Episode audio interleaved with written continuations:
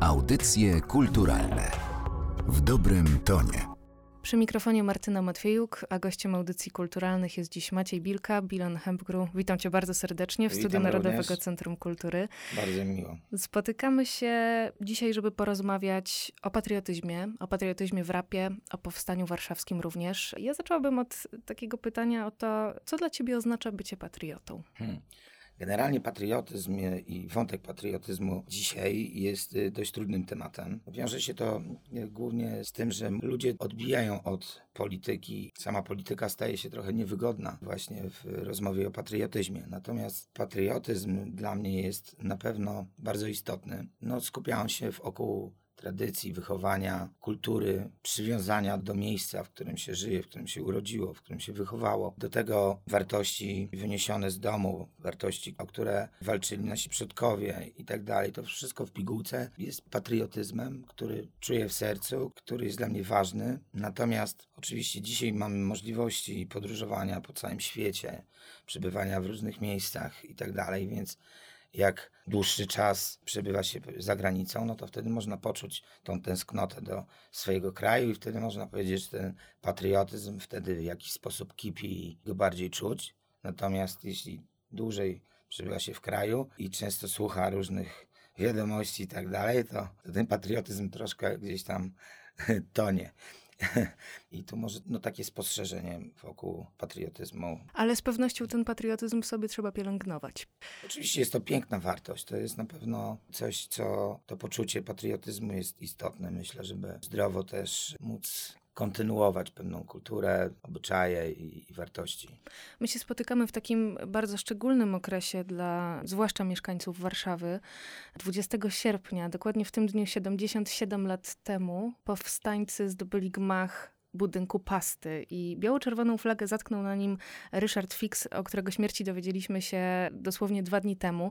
To nie jest aż tak odległa historia, jakby się Tak. nam mogło wydawać, Tak. a jednak ten świat się zmienił tak, że mnie przynajmniej trudno jest wyobrazić sobie tę rzeczywistość powstańczą. E, Mhm. Dlaczego warto pamiętać, to jest chyba oczywiste pytanie, w jaki sposób oddać cześć tym ludziom, w jaki sposób oddać cześć powstańcom. Ty jako artysta wypowiadasz się na takie tematy w swojej twórczości, w muzyce, ale zastanawiam się, czy masz też jakiś taki swój w twoim życiu, nazwałabym to pozaartystycznym też sposób oddawania tej czci. No generalnie oczywiście pamięć o powstaniu cały rok towarzyszy w różnych sytuacjach.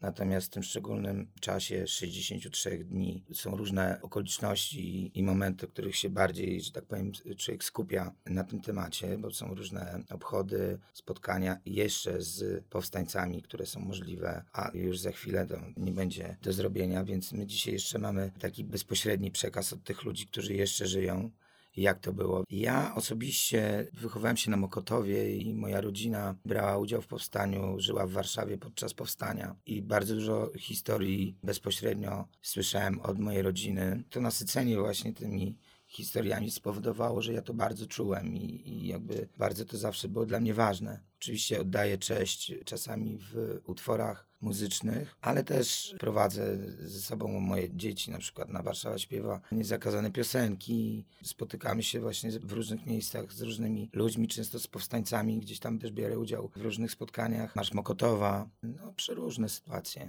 A jakie emocje ci towarzyszą jako warszawiakowi, jako mokotowianinowi właśnie w tym szczególnym okresie przełomu sierpnia i września, No- kiedy przechodzisz ulicami Warszawy? Jest to, jest to odczuwalne, to czuć po prostu. Często przechodzą ciarki przez plecy, mijając tablicę upamiętniającą jakieś wydarzenie właśnie z, z tego okresu, gdzie czytamy, ile osób tu zginęło, gdzie znamy historię, kto tu walczył, w jaki sposób musieli się ukrywać, w jaki sposób wyglądały w ogóle walki na ulicach, z jakim okrucieństwem spotykali się ludzie cywilni. No, masę jest takich momentów tak naprawdę.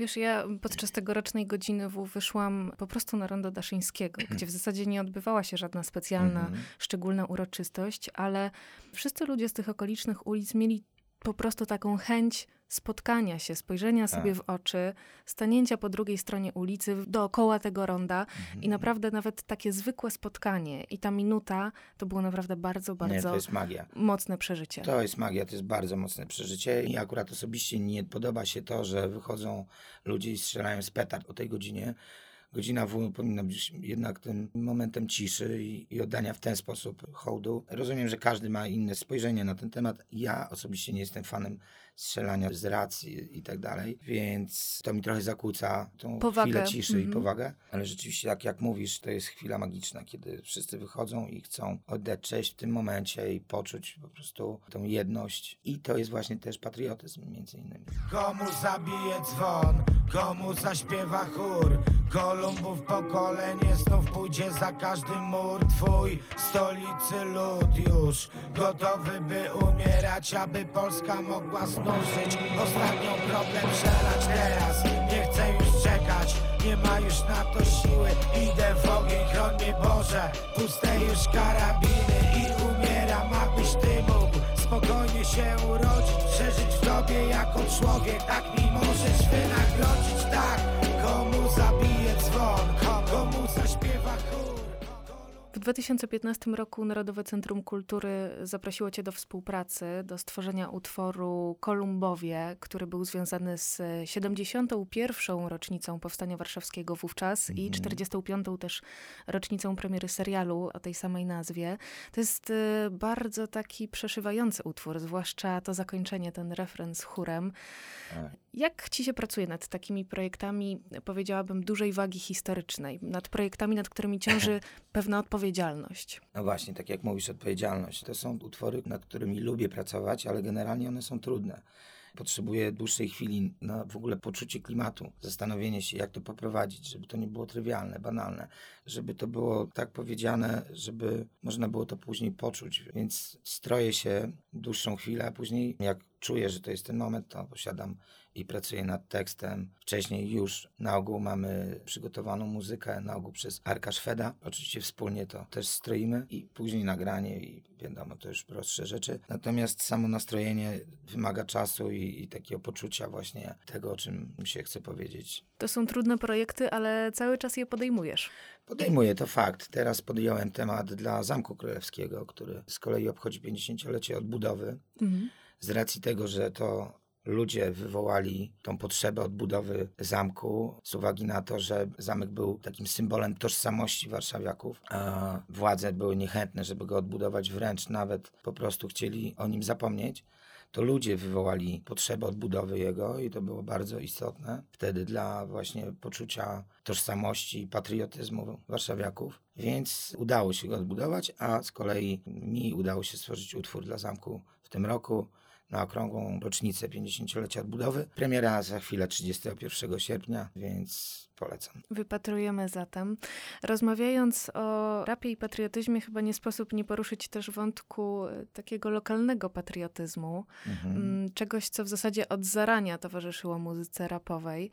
Ten szacunek i jakaś taka manifestacja przywiązania do korzeni pozostaje, ale wydaje mi się, że zmienia się trochę podejście do pewnych ewentualnych podziałów, które się mogą wiązać z tym tematem. Mówię tutaj o scenie rapowej, scenie hip-hopowej. zdecydowanie. Chyba zgodzisz się ze mną, że ten lokalny patriotyzm to jednak powinna być taka wartość, która jest pozytywna i jest budująca, a nie coś, co tworzy podziały, jak to czasem bywało. No, zdecydowanie kiedyś to rzeczywiście tworzyło podziały, dzisiaj niekoniecznie. Dzisiaj w ogóle można podróżować po Polsce, ciesząc się i mówiąc głośno, skąd się pochodzi. No, kiedyś to raczej było bardzo trudne. No, w latach 90., jak byłem młodym chłopakiem i zaczynaliśmy nasze poczynania w rapie, no to naprawdę było niebezpiecznie mówić głośno, skąd się jest. Wtedy bardziej wartości kibicowskie, powiedzmy, były dookoła hołdowane, a rap trochę jakby wgryzł się w tą tkankę miejską i pozwolił bez problemu przemieszczać się po Polsce i mówić właśnie skąd się jest.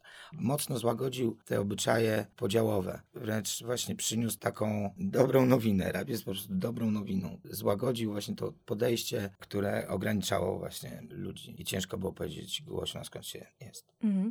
Zastanawiam się, co sądzisz o tej pewnej ewolucji rapu, która się dokonała na Mhm. przestrzeni tych trzech dekad, no bo to jest muzyka, która wyrastała w kontrze do kultury popularnej. Dokładnie. A teraz w zasadzie odwróciło się do góry nogami. Rap jest absolutnym mainstreamem. Tak. Często jest narzędziem wręcz do zarabiania pieniędzy. I ta Znaczy, kultura, jest, którą, którą współtworzyłeś pod koniec lat 90., jest czymś zupełnie innym niż ta Zupełnie. kultura, której doświadczamy teraz. Tak, to fakt.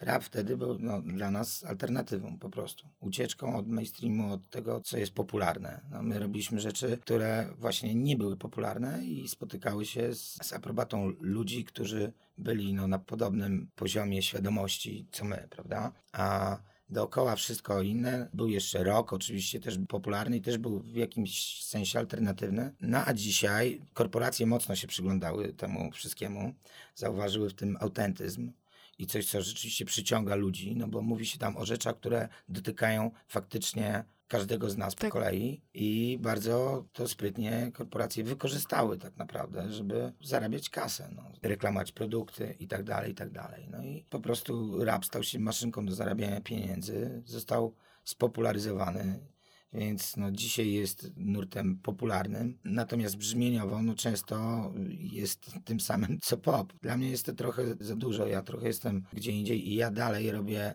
muzykę alternatywną, mimo tego, że wywodzę się z, z rapu, który dzisiaj jest popularny, ale kiedyś był alternatywny. Czyli on dla mnie dzisiaj jest tym, co był kiedyś, ale dla innych dzisiaj jest już czymś zupełnie innym. Dla wielu pewnie ta różnorodność, ta wielobarwność, też ta dynamika zmian jest tym, za co kochają współczesną kulturę hip-hopową czy rap. A, a za co ty go kochasz? Ja go kocham za właśnie autentyczność, za to, że jest prawdą życia wykonawcy, który go prezentuje. I to najbardziej szanuję w rapie. Natomiast dzisiaj, tak jak mówisz, rap ma tyle oblicz, ile, ilu jest artystów, można powiedzieć, i ilu odbiorców, którzy go rozumieją po swojemu. Maciej Bilka, Bilon Hempgru był dziś gościem audycji kulturalnych. Bardzo Dziękuję. ci dziękuję za naszą dzisiejszą rozmowę. Bardzo dziękuję. Pozdrawiam serdecznie. Już gotowy by umierać, aby Polska mogła znów żyć. Ostatnią kroplę przelać teraz. Zabije dzwon, komu zaśpiewa chór. Kolumbów pokolenie znów pójdzie za każdy mur twój. W stolicy lud już gotowy by umierać, aby Polska mogła znów żyć. Ostatnią kroplę przelać teraz.